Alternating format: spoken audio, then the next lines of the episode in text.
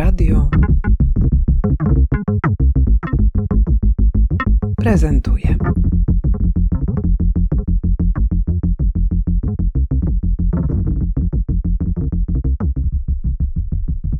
Gosia Kuciewicz, grupa projektowa Centrala, współautorka wystawy Więcej Zieleni, projekty Aliny Scholz w Muzeum Woli. Dobrze, idziemy po schodach i już na, na korytarzu y, spotykamy coś w rodzaju grafu informującego o promieniowaniu myśli dotyczącej architektury krajobrazu. Co to jest?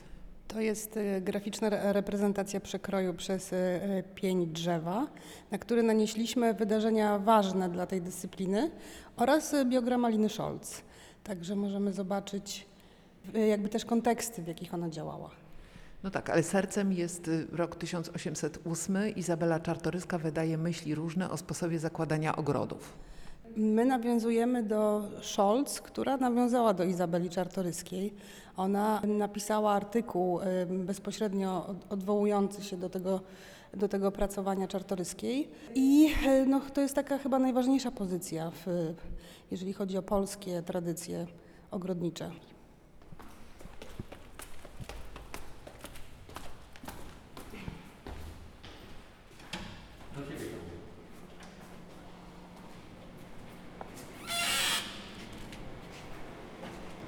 Towarzyszy nam taki szum, to jest szum klimatyzacji. Spotykamy się w bardzo, bardzo upalny dzień.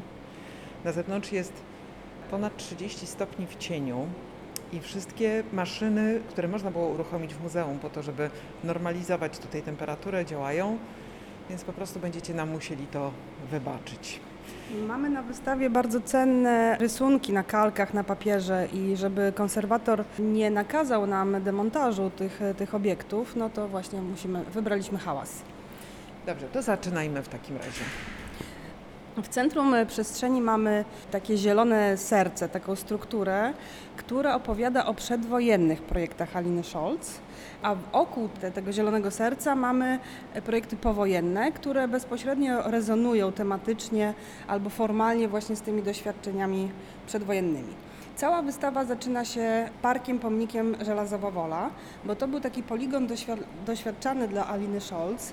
Ona pojechała tam jako asystentka profesora Krzywdy Polkowskiego i tam e, była też ogrodniczką, to znaczy sadziła rośliny, przycinała drzewa. Pięknie opisuje, że to jest jej ulubiona część zadania, bo trzeba skakać po tych drzewach. Przeżyła też tam okupację, przez całą wojnę parkiem się opiekowała i można powiedzieć, że uratowała ten, ten za- zabytkowy ze- zespół. Ile ona wtedy miała lat? Gdy wojna wybuchła, miała 31. Była już doświadczoną osobą i No była tuż po studiach, po e, studiach też e, takich parkoznawczych, wyjazdach stypendialnych do Anglii. Bardzo e, te wpływy angielskie widać w jej realizacjach. Widać dużą fascynację nimfami, roślinami wodnymi, takimi skałkowymi różnymi układami. Przywiozła to z tych, z tych, z tych, z tych wyjazdów studyjnych. Natomiast to, co dla nas jest bardzo ciekawe, jeżeli chodzi o żelazową wolę, to krąg, który znajduje się w centrum tej kompozycji, bo w miarę rozpoznań dorobku Aliny Scholz okazało się, że bardzo lubi kółka. Miało to chyba nawet dla niej znaczenie symboliczne, bo nazywała w niektórych opracowaniach to kręgiem pamięci. Natomiast tych kółek w tych projektach y, no, znaleźliśmy bardzo dużo, od kręgów tanecznych, przez okrągłe piaskownice, jakieś formy terenowe, oczywiście stawy. w związku z tym nawet ławka na wystawie ma taką okrągłą formę.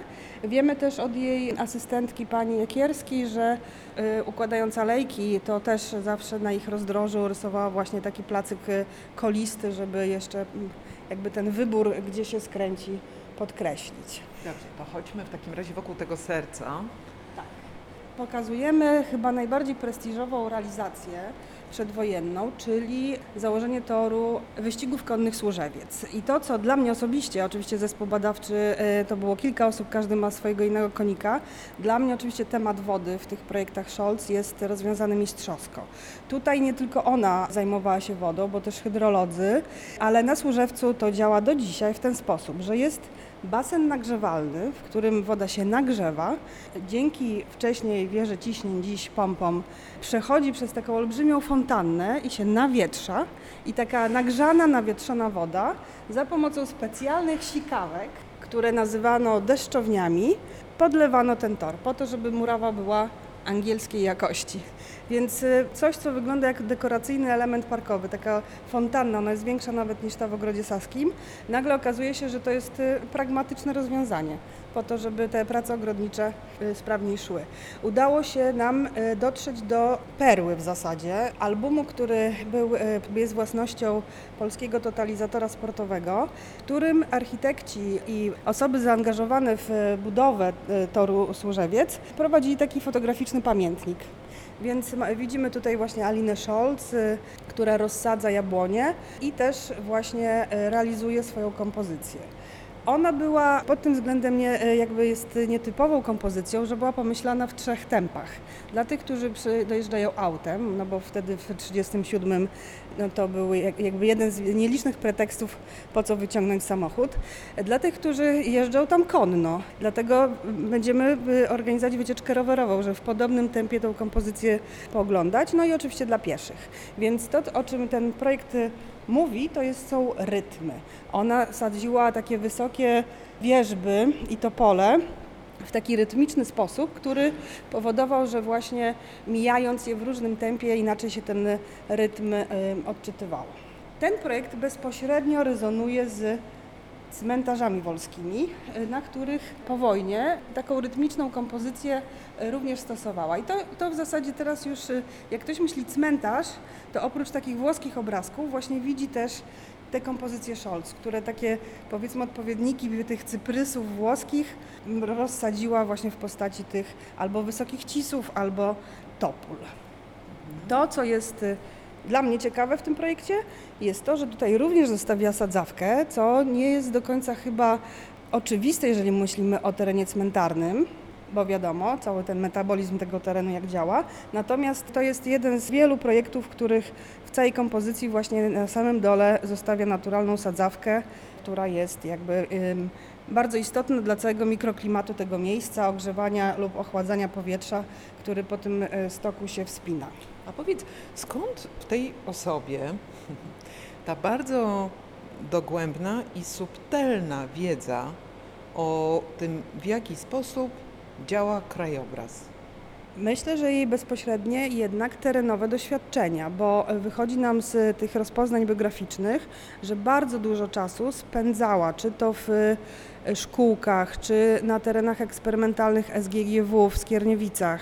No i chyba to, że e, żyła w przyrodzie, w tych cyklach przyrodniczych Żelazowej Woli przez całą okupację i musiała mieć taką zupełnie inną uważność wtedy, bo była odpowiedzialna jako jedna osoba za wszystkie tematy, łącznie z oporządzaniem, pracami gospodarczymi, nie wiem, nawet chyba doiła tam krowy. Wiem, że przygarniała też bardzo dużo zwierzaków i wydaje mi się, że to życie po prostu w tej przyrodzie potem owocowało w tych miejskich projektach. Tutaj na środku znajduje się stół, który jest poświęcony ogrodowi saskiemu.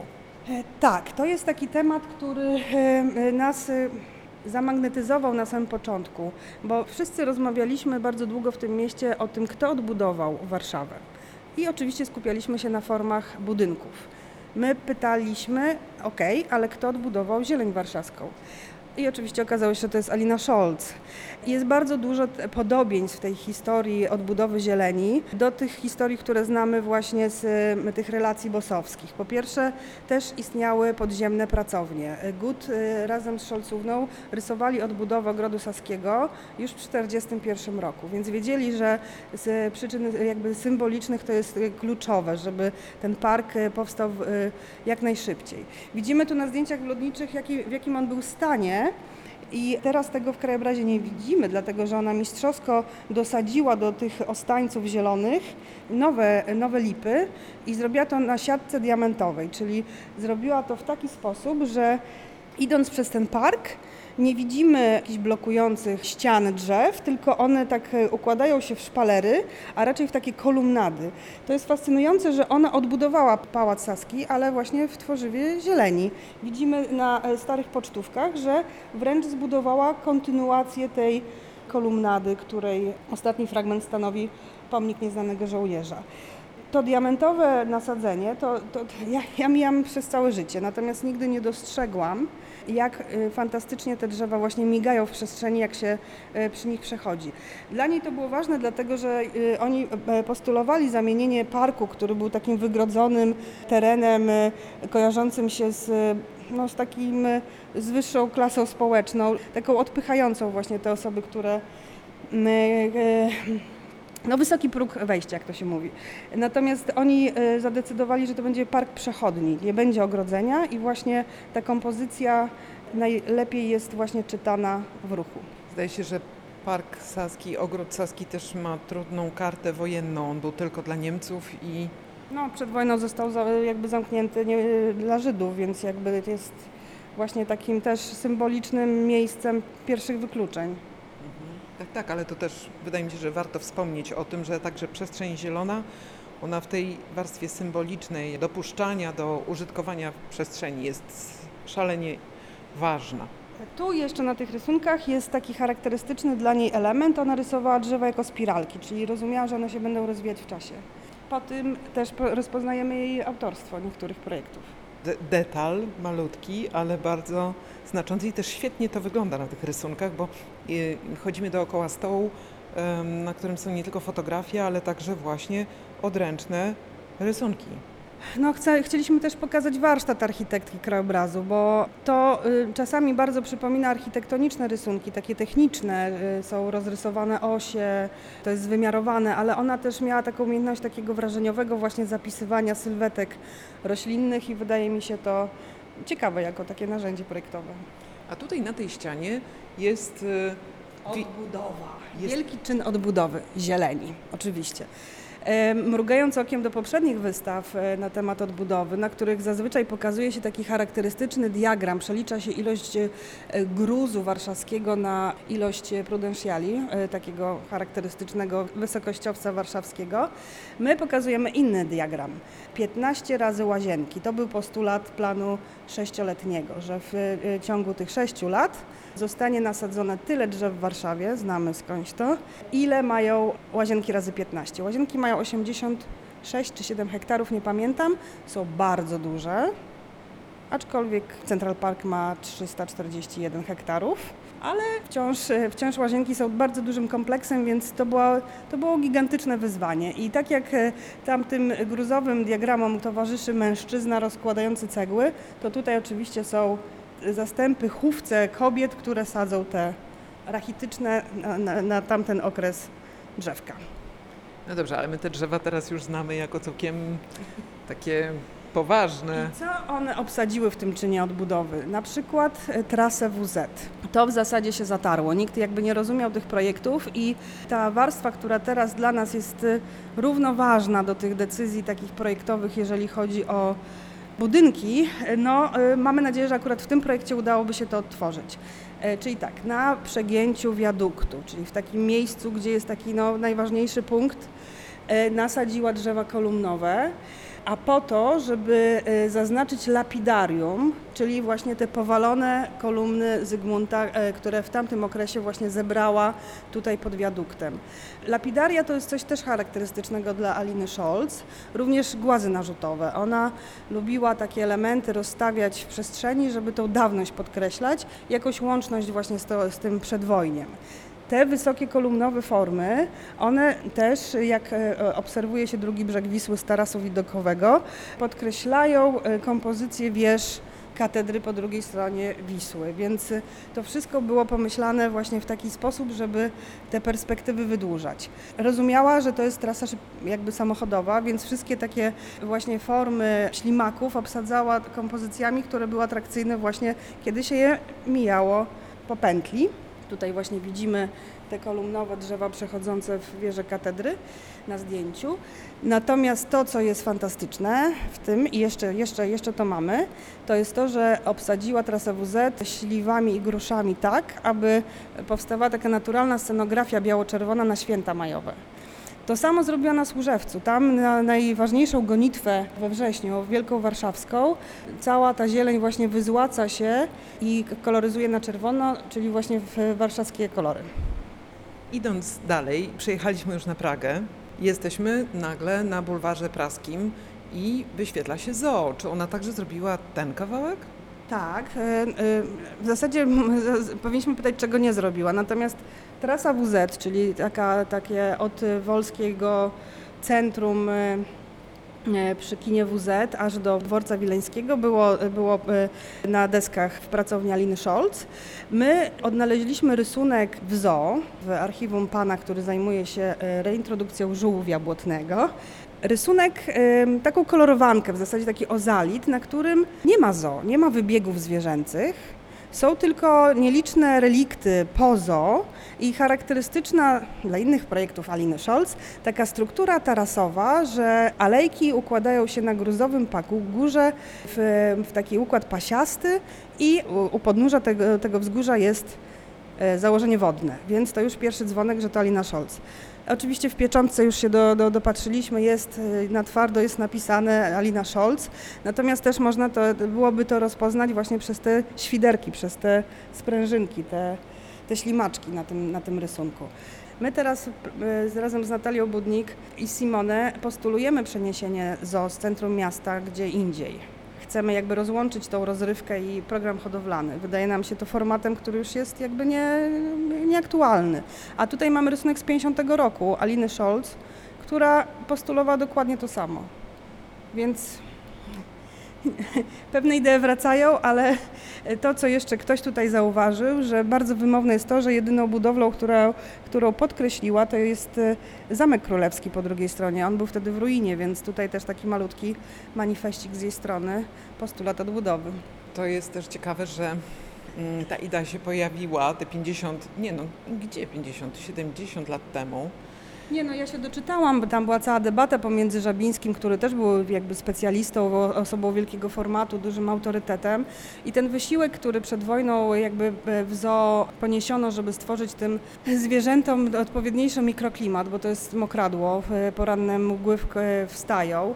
Tam cały zabieg polegał na tym, że zwierzaki wchodzą na własne dachy własnych wybiegów. To jest, piękna, to jest piękna architektura niestety, mamy do niej słabość. To jest bardzo modernistyczny projekt. Oczywiście jest to pomnik jakby nieistniejących relacji i musimy to widzieć właśnie jakby w tej perspektywie, jak się te relacje ze zwierzętami w mieście zmieniają. Natomiast architektonicznie to były formy tworzone właśnie przez Krzywda Polkowskiego, już teraz to wiem, i Stanisława Hempla, czyli wybitnego konstruktora. Dlatego słoń mógł łazić po własnym dachu. I to, co Alina robi, to redukuje wszystko oprócz tych najbardziej ikonicznych e, betonowych form rzeźbiarskich. Słuchaj, to, to jest w ogóle niesamowite, y, że to jest też, ta wystawa jest efektem waszych śledztw. Jak to się stało, że tę osobę trzeba, trzeba było ją tak bardzo wyśledzić, Ja nie odkopać? wiem. Ja naprawdę nie chciałam tego robić. My wcześniej zajmowaliśmy się e, dorobkiem Jacka Damięckiego, który żyje, ma, jest w pełni sił twórczych i bardzo się cieszył, że go wyciskamy z trumny. To był duży wysiłek.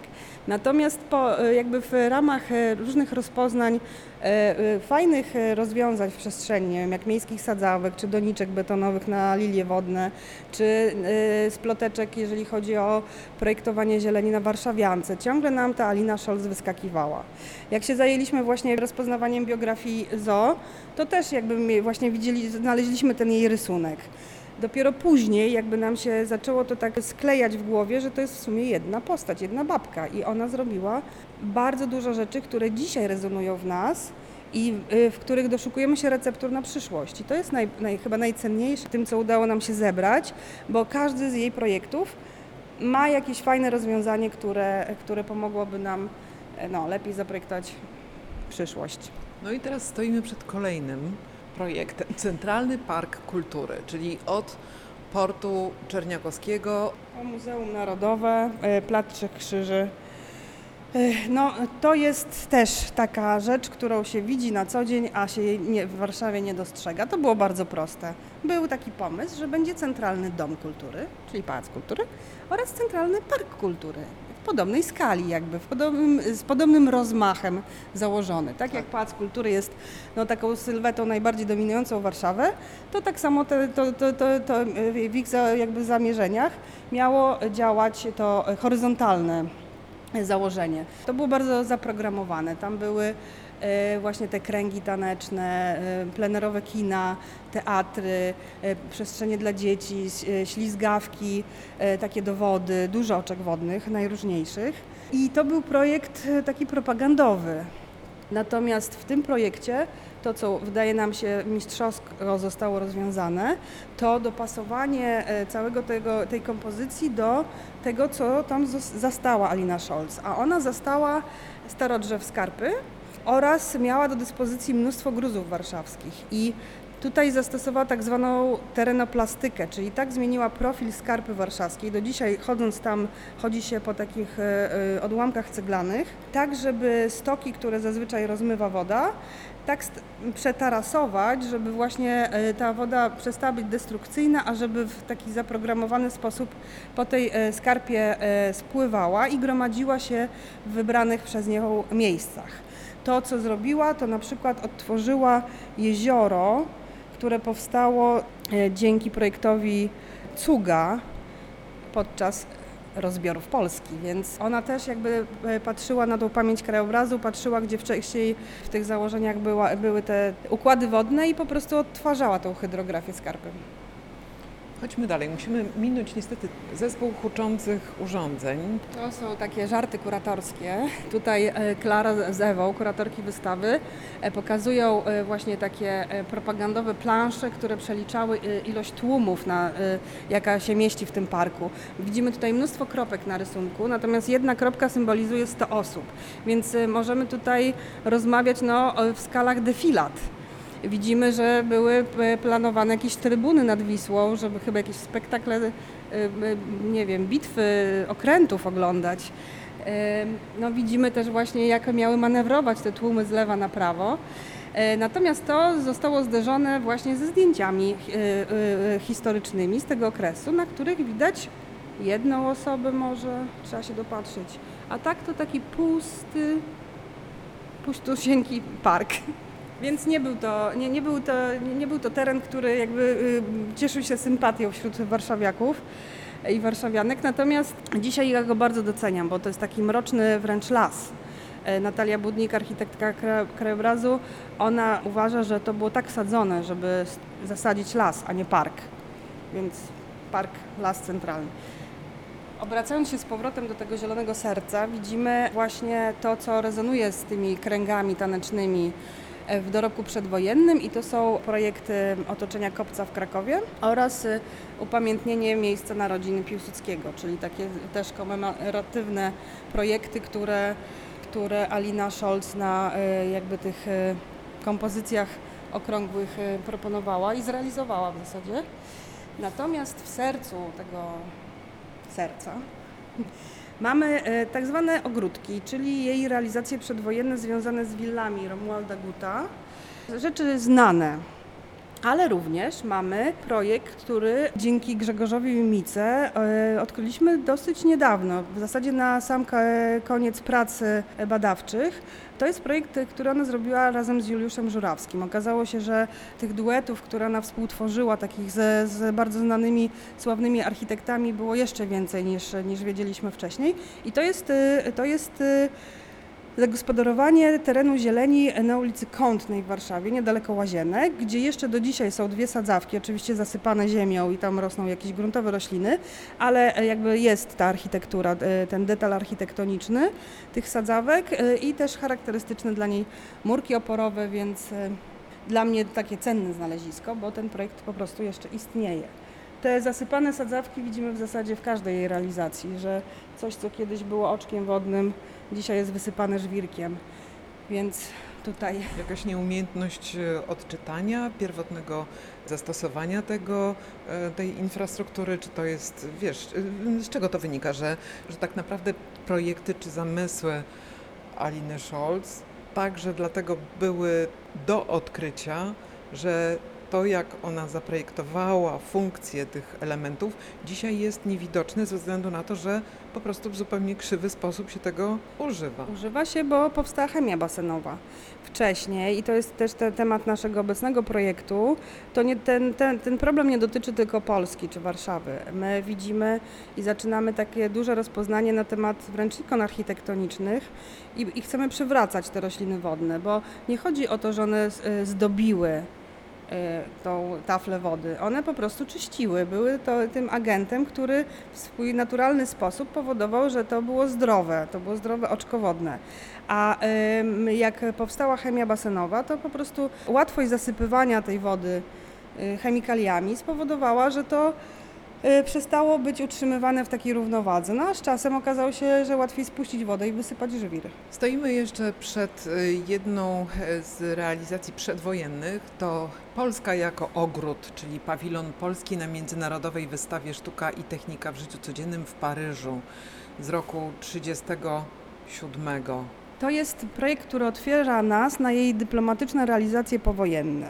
Ogród jako Polska rzeczywiście y, był hasłem, który został nawet uwieczniony pocztówką.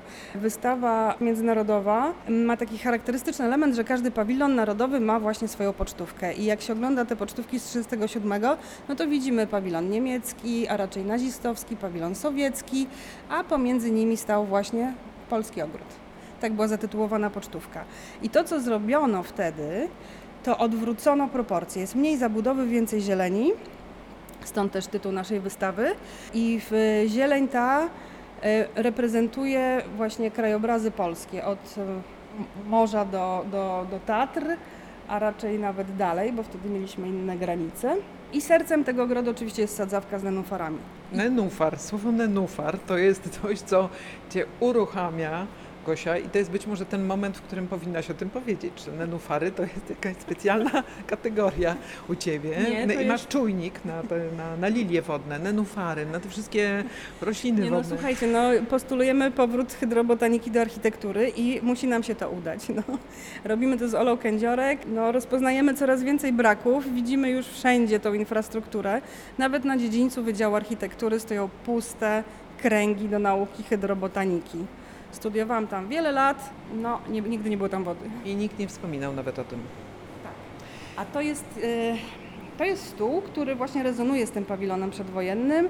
Jest to prezentacja realizacji dyplomatycznych, czyli ogrodów y, ambasad, y, ambasady chińskiej w Warszawie, ale również ambasady polskiej w, w Chinach oraz ogród hotelu Rady Ministrów, który też był taką placówką. E, Pan Jacek Damiński, który projektował tam oświetlenie w swoich pierwszych latach e, aktywności zawodowej, mówił, że wytyczną miał taką, żeby nie było widać sylwetek w oknach, żeby nie strzelać.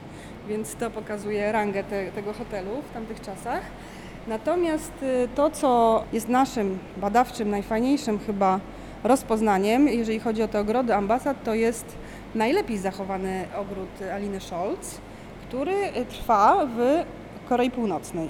I to jest projekt, z którego bardzo dużo się nauczyliśmy. Ona ponownie dużą pochyłość terenu przetłumaczyła na no, takie rozpłaszczenia. Podzieliła na takie tarasiki y, i zaprojektowała niecki wodne, które jeszcze były dodatkowo podzielone groblami, więc jak padał deszcz, a tam są takie ulewne deszcze, no to y, nawet te tafle wody y, zapełniały się róż, na różne poziomy, więc było to takie bardzo, wydaje mi się, atrakcyjne w czasie tego padania deszczu, bo właśnie nie było tak, że nie, nie spływało coś po terenie, a raczej tak kaskadowo się ujawniało w tej kompozycji. Stoimy przed makietą, trzeba powiedzieć, i to jest taka makieta, która jest pięknie wykonana i działa na wyobraźnię.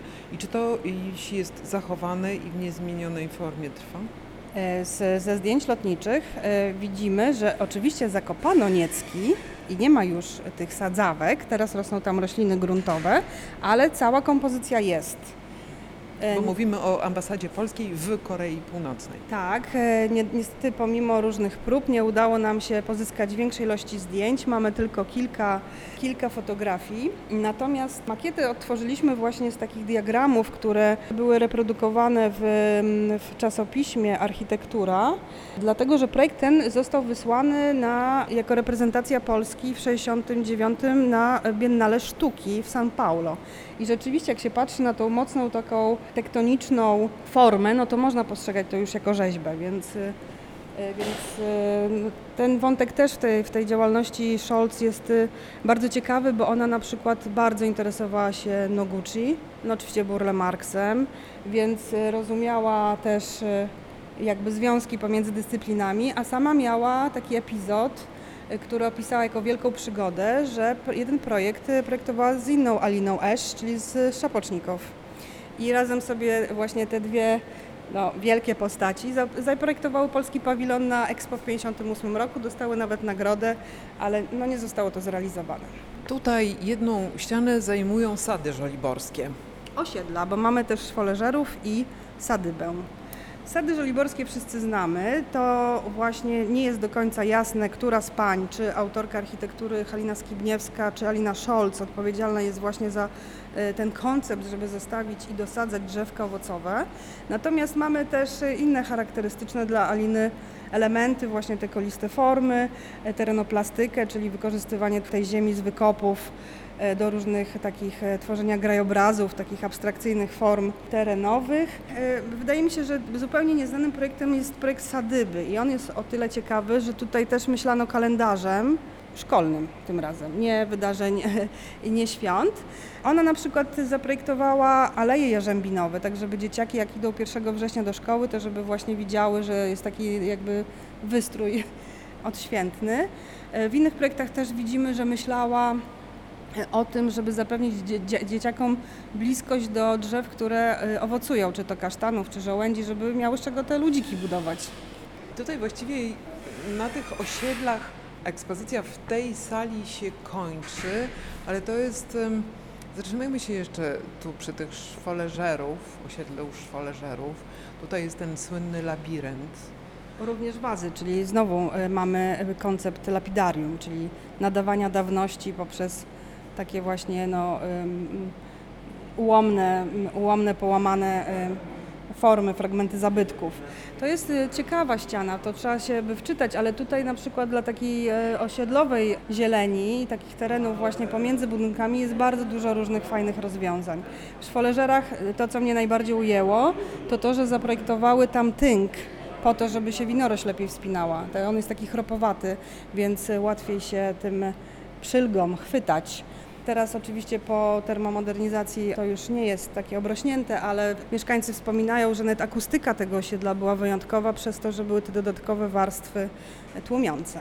E, Osiedla płynnie przechodzą nam w, w taki temat, który domyka tą pętlę wokół Zielonego Serca, bo to są jordanowskie ogródki i e, takie zieleńce, które Scholz e, w jej pracowni zaprojektowano dziesiątki, czyli ogródki działkowe, zieleńce, które powstawały tymczasowo na miejscu wytyczonych przez BOS e, lokalizacji przyszłych placówek oświaty, czyli zanim zbudowano żłobki przedszkola, taki zieleniec urządzano, za, zawsze była tam piaskownica i zawsze był brodzik i y, y, dzieciaki tam po prostu w zimnym chowie te pierwsze powojenne zimy musiały przetrzymać. No dobrze, ale kiedy żeśmy wchodziły do tej sali na pierwszym piętrze Muzeum Woli, zwróciłaś mi uwagę na to, żebyśmy na pewno nie zapomniały porozmawiać o tej mapie, która znajduje się tuż przy wejściu. i wyjściu jednocześnie. No to są naniesione na ma, e, mapę Warszawy realizacje Scholz i miejsca z nią związane. I ona chyba pokazuje, jak, jak wiele rzeczy ona zaprojektowała w tym mieście. No. No tak, tutaj są 34 pozycje w samej Warszawie, oprócz tego jeszcze jest lista parków, pawilonów, ambasad, które w Warszawie się nie znajdują. No i to jest naprawdę, robi gigantyczne wrażenie. I wiesz Gosia, no to jeszcze raz powtarzam to samo pytanie, jak to możliwe, żeby osoba, która tak wiele zrobiła dla Warszawy, była tak mm, nieodkrytą postacią przez tak wiele lat? Co się wydarzyło? Czy ona była zbyt skromna? Czy to co się, co się stało, że ona była tak ukryta dla nas? Wydaje mi się, że sam krajobraz jest, jest ukryty, że cała ta dyscyplina bardzo ważna przed wojną, bo jeszcze tutaj, no my tutaj tak nie, nie, nie, nie, nie omawiamy każdego elementu tej wystawy, ale tutaj mamy taki diagram, który pokazuje przedwojenną strukturę miasta i powojenną i to co widać, to że tej pustki po wojnie było dużo, dużo więcej. I o ile wiadomo, że każdy budynek musiał ktoś zaprojektować, ale za każdą z tych pustek też stał jakiś autor, więc... y, E, Oczywiście było tam dużo nieużytków i takich zaniedbanych przestrzeni, ale, ale to, to, to, co znamy dzisiaj, to jest większość wynik właśnie projektów e, pracowni Zieleń. Już nawet nie wspomnę o nasadzeniach przyulicznych, tych wszystkich e, alejach e, i nie wiem, rekonstrukcji pól mokotowskich. No tego jest, tego jest bardzo dużo, więc jeszcze mnóstwo badaczy ma co robić przez najbliższe dekady. Ale to też jest taki moment, w którym odkrycie, w którym odkrycie Aliny Scholz jest szczególnie istotne. Mianowicie następuje taki przełom i rozmowy o kobietach e, kształtujących przestrzeń, czyli architektkach. I dodatkowo jeszcze e, temat architektury krajobrazu wyskakuje jako ten, który no, z jakiegoś powodu jest zaniedbany i ukryty. Dobra, to odpowiesz mi na to, jak się napijesz. Ja i tak na skórkowo opowiadam. E, Proszę Państwa, to była opowieść naskórkowa. Na wykład sześciogodzinny z noclegiem zapraszamy po wcześniejszym zapisaniu się. Nie no, będzie publikacja. Dobrze. I teraz tak, wchodzimy do mm, sali na parterze. A po tej kobiecie powinnam odpowiedzieć. Tak, powinnaś odpowiedzieć. Znaczy wiesz, że to jest w takim odpowiednim bardzo momencie się ta rozmowa pojawia, że Alina Scholz staje się symbolem pozostawania w cieniu i w ukryciu kobiet w architekturze i architektury krajobrazu jako takiej przez lata. Mm, Troszkę się też do tego przyczyniła. E, Nie dbała o swój wizerunek. E, Nawet mamy na górze pocztówkę z żelazowej woli i według nas jest to sylwetka Scholz, natomiast twarz jest zatarta, więc nawet e, w takich drobnych śladach wydaje nam się, jest to e, jednak to no, potwierdzenie, że, że nie chciała e, być bardzo rozpoznawalną osobą, ale wydaje nam się, że to też wynikało ze środowiska, w jakim pracowała. No, tutaj mamy taką ścianę Alina Scholz w konstelacji swoich e, różnych współpracowników, przyjaciół i zawodowych e, rywali. Ona miała dwóch bardzo ważnych mentorów. Właśnie Franciszka Krzywdę-Polkowskiego oraz Romualda Guta. To są bardzo znane postaci i jakby cieszyły się olbrzymią renomą i ona rzeczywiście, wydaje mi się, że dużo więcej zdziałała y, zawsze będąc troszkę w cieniu niż, niż nie wiem, rywalizując czy konfliktując się z tymi osobami, więc y, Tak, a stoimy tutaj przy takim stoliczku, w którym w gablocie są zdjęcia Aliny Scholz z młodości, widać jej dyplom, e, legitymację, odznaczenia. Po niej nic praktycznie nie zostało. My to, co tutaj pokazujemy, dostaliśmy od rodziny po tym, jak zostawiliśmy kartkę na jej grobie, że szukamy jakichkolwiek śladów. Po pół roku jej rodzina się odezwała do nas i rzeczywiście to, co tutaj widzimy, to jest wszystko, co jakby zostało w tych e, archiwach rodzinnych. Widzimy przedwojenne e, portrety razem z siostrą, kilka takich właśnie zdjęć w garsonkach z wyjazdów e, tych dyplomatycznych. E, Księżniczkę Leję na przykład też. Ale uczesanie. No, no. Kilka odznaczeń, y, mm, bo w, jakby w, w toku swojej kariery oczywiście dostałam mnóstwo nagród. Ale to, co nas zafascynowało, to to, że okazało się, że była zapaloną fotografką. Jest tutaj autoportret z takim średnioobrazkowym aparatem i kilka jej autorskich zdjęć, które, które wyglądają jak właśnie taka archiwizacja naturalnych y, kompozycji, które jakby y, w przyrodzie została i które sobie y, zanotowała fotograficznie. Chcę Cię poprosić też o komentarz tutaj do tej gabloty, ponieważ okazuje się, że Alina Scholz brała aktywny udział w powołaniu organizacji o światowym zasięgu. Mało się o tym mówi, mało się o tym wie. No jej portret wisi w Wersalu. Jest właśnie jedną z założycielek e, IFLA i to jest taki wątek, który na pewno ktoś musi bardziej rozpoznać. Ktoś powinien tam pojechać e, wtedy, kiedy te archiwa będą otwarte, poszukać korespondencji, bo wiemy na przykład z archiwów UB, że przez to, że była w bardzo intensywnej korespondencji e, z tym środowiskiem międzynarodowym, to po prostu łażono za nią od 54 do 71, dopatrując się w tych e, około przyrodniczych dialogach jakichś zaszyfrowanych przekazów, więc na pewno uprzykrzyło jej to życie, ale z drugiej strony chyba otworzyło tak y, też m, pozwoliło jej jednak y, czuć się w tym obiegu międzynarodowym, bo większość z tych osób, z którymi współzałożyła to, to stowarzyszenie, to ma po prostu no, jakby światową renomę. No. Tutaj jeszcze w tej sali zgromadzone zostały takie obiekty, które pokazują już warsztat. I Mm, też stanowią narzędzia do pracy na przykład z dzieciakami. No Więc podejdźmy tam na chwileczkę. Pozyskaliśmy z y, Rogowa przekroje przez bardzo wiekowe drzewa. Tutaj mamy na przykład 80-letnie, przekrój przez 80-letnią tuję. Alina Scholz też wprowadziła tuję. Y, To jest teraz jakby taki negatywny zielony bohater z jej dorobku, ale y, tutaj próbujemy jakby y, troszkę te tuje odczarować. Ich też jest wiele różnych odmian i można je bardzo fajnie stosować jako kontrapunkt dla tej zmieniającej się w sezonach przyrody, jako taką wiecznie zieloną rzecz, a niekoniecznie budować z tego parawany czy jakieś wy, wysłony wzdłuż ogrodzenia. Te pnie nam pokazują, jakby one towarzyszą takiemu grafowi, jak można nauczyć się szacować wiek drzewa bez jego ścinania, czyli bez liczenia tych słoi. Widzimy też cały cykl biologiczny drzewa, y, że też bardzo ważny jest ten jego rozpad po tym, jak już no, padnie, więc y, tutaj Natalia Budnik właśnie opowiada o tym całym cyklu drzew. Tutaj mamy tak zwanych zielonych bohaterów, czyli właśnie te ulubione przez Alinę Scholz gatunki, które e, sadziła. Zafascynowała nas możliwość zrobienia drzewa genealogicznego drzewom. E, I zastanawialiśmy się, które na przykład magnolie sadziła jako pierwsze, e, które oliwniki e, rozsadzała w Warszawie i czy można by było jakby te rodziny tych zielonych bohaterów jakoś poukładać w takie właśnie grafy, jak, ten, jak ta konstelacja współzależności. Mamy bardzo charakterystyczną dla niej katalpę, czyli taki, takie drzewo o takich łapciastych list, liściach i długich stronkach, czyli coś, co łatwo rozpoznać. No i oczywiście wierzbę płaczącą, bo to ona jest odpowiedzialna za ten tak zwany szopenowski krajobraz, czyli jak jest stawik, to jest wierzba. Widząc akurat te drzewa w swojej okolicy, możemy już zacząć mieć jakieś podejrzenia co do autorki y, kompozycji. Powiem o jednej bardzo ważnej rzeczy. O lipie warszawskiej. To jest jedyne drzewo, które ma nazwę warszawską w swojej łacińskiej nazwie. I jest to drzewo, które e, specjalnie zostało wyselekcjonowane z krzyżówek innych lip, żeby właśnie zalesić czy tam zaparkowić Warszawę. To muszę powiedzieć, że ja to teraz bardzo odczuwam, bo kiedy jadę rowerem przez Warszawę, teraz w lipcu, jak to pachnie. To jest w ogóle niebywałe zupełnie. Jak to miasto pachnie. E, No niestety teraz musimy wzmocnić ten gatunek e, na suszę. To nie jest odporne, więc poszukujemy. Znaczy trzeba by znaleźć po prostu lipę warszawską bis.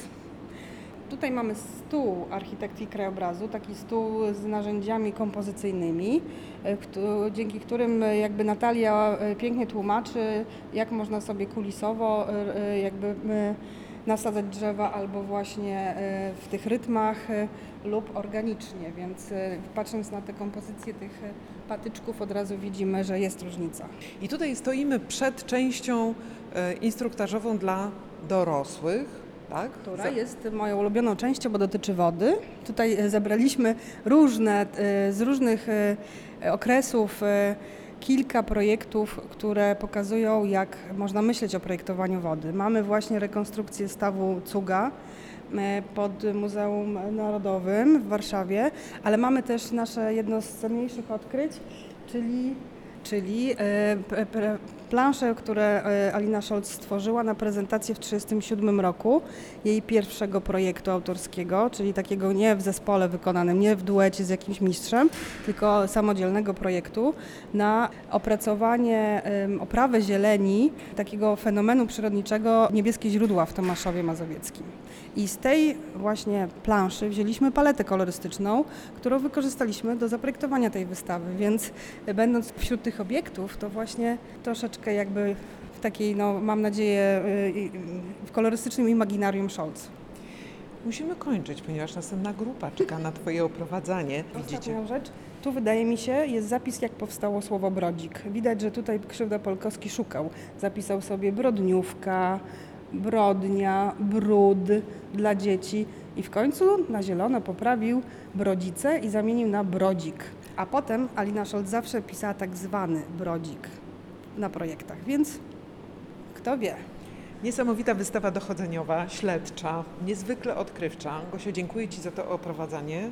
No i co, zapraszamy tutaj wszystkich do kiedy można ją Do oglądać? końca listopada. Muzeum Woli we Tak, Warszawie. jak przestaną y, pływać liście roślin wodnych po tafli, to znaczy, że zamykamy wystawę. Super, dziękuję Ci bardzo.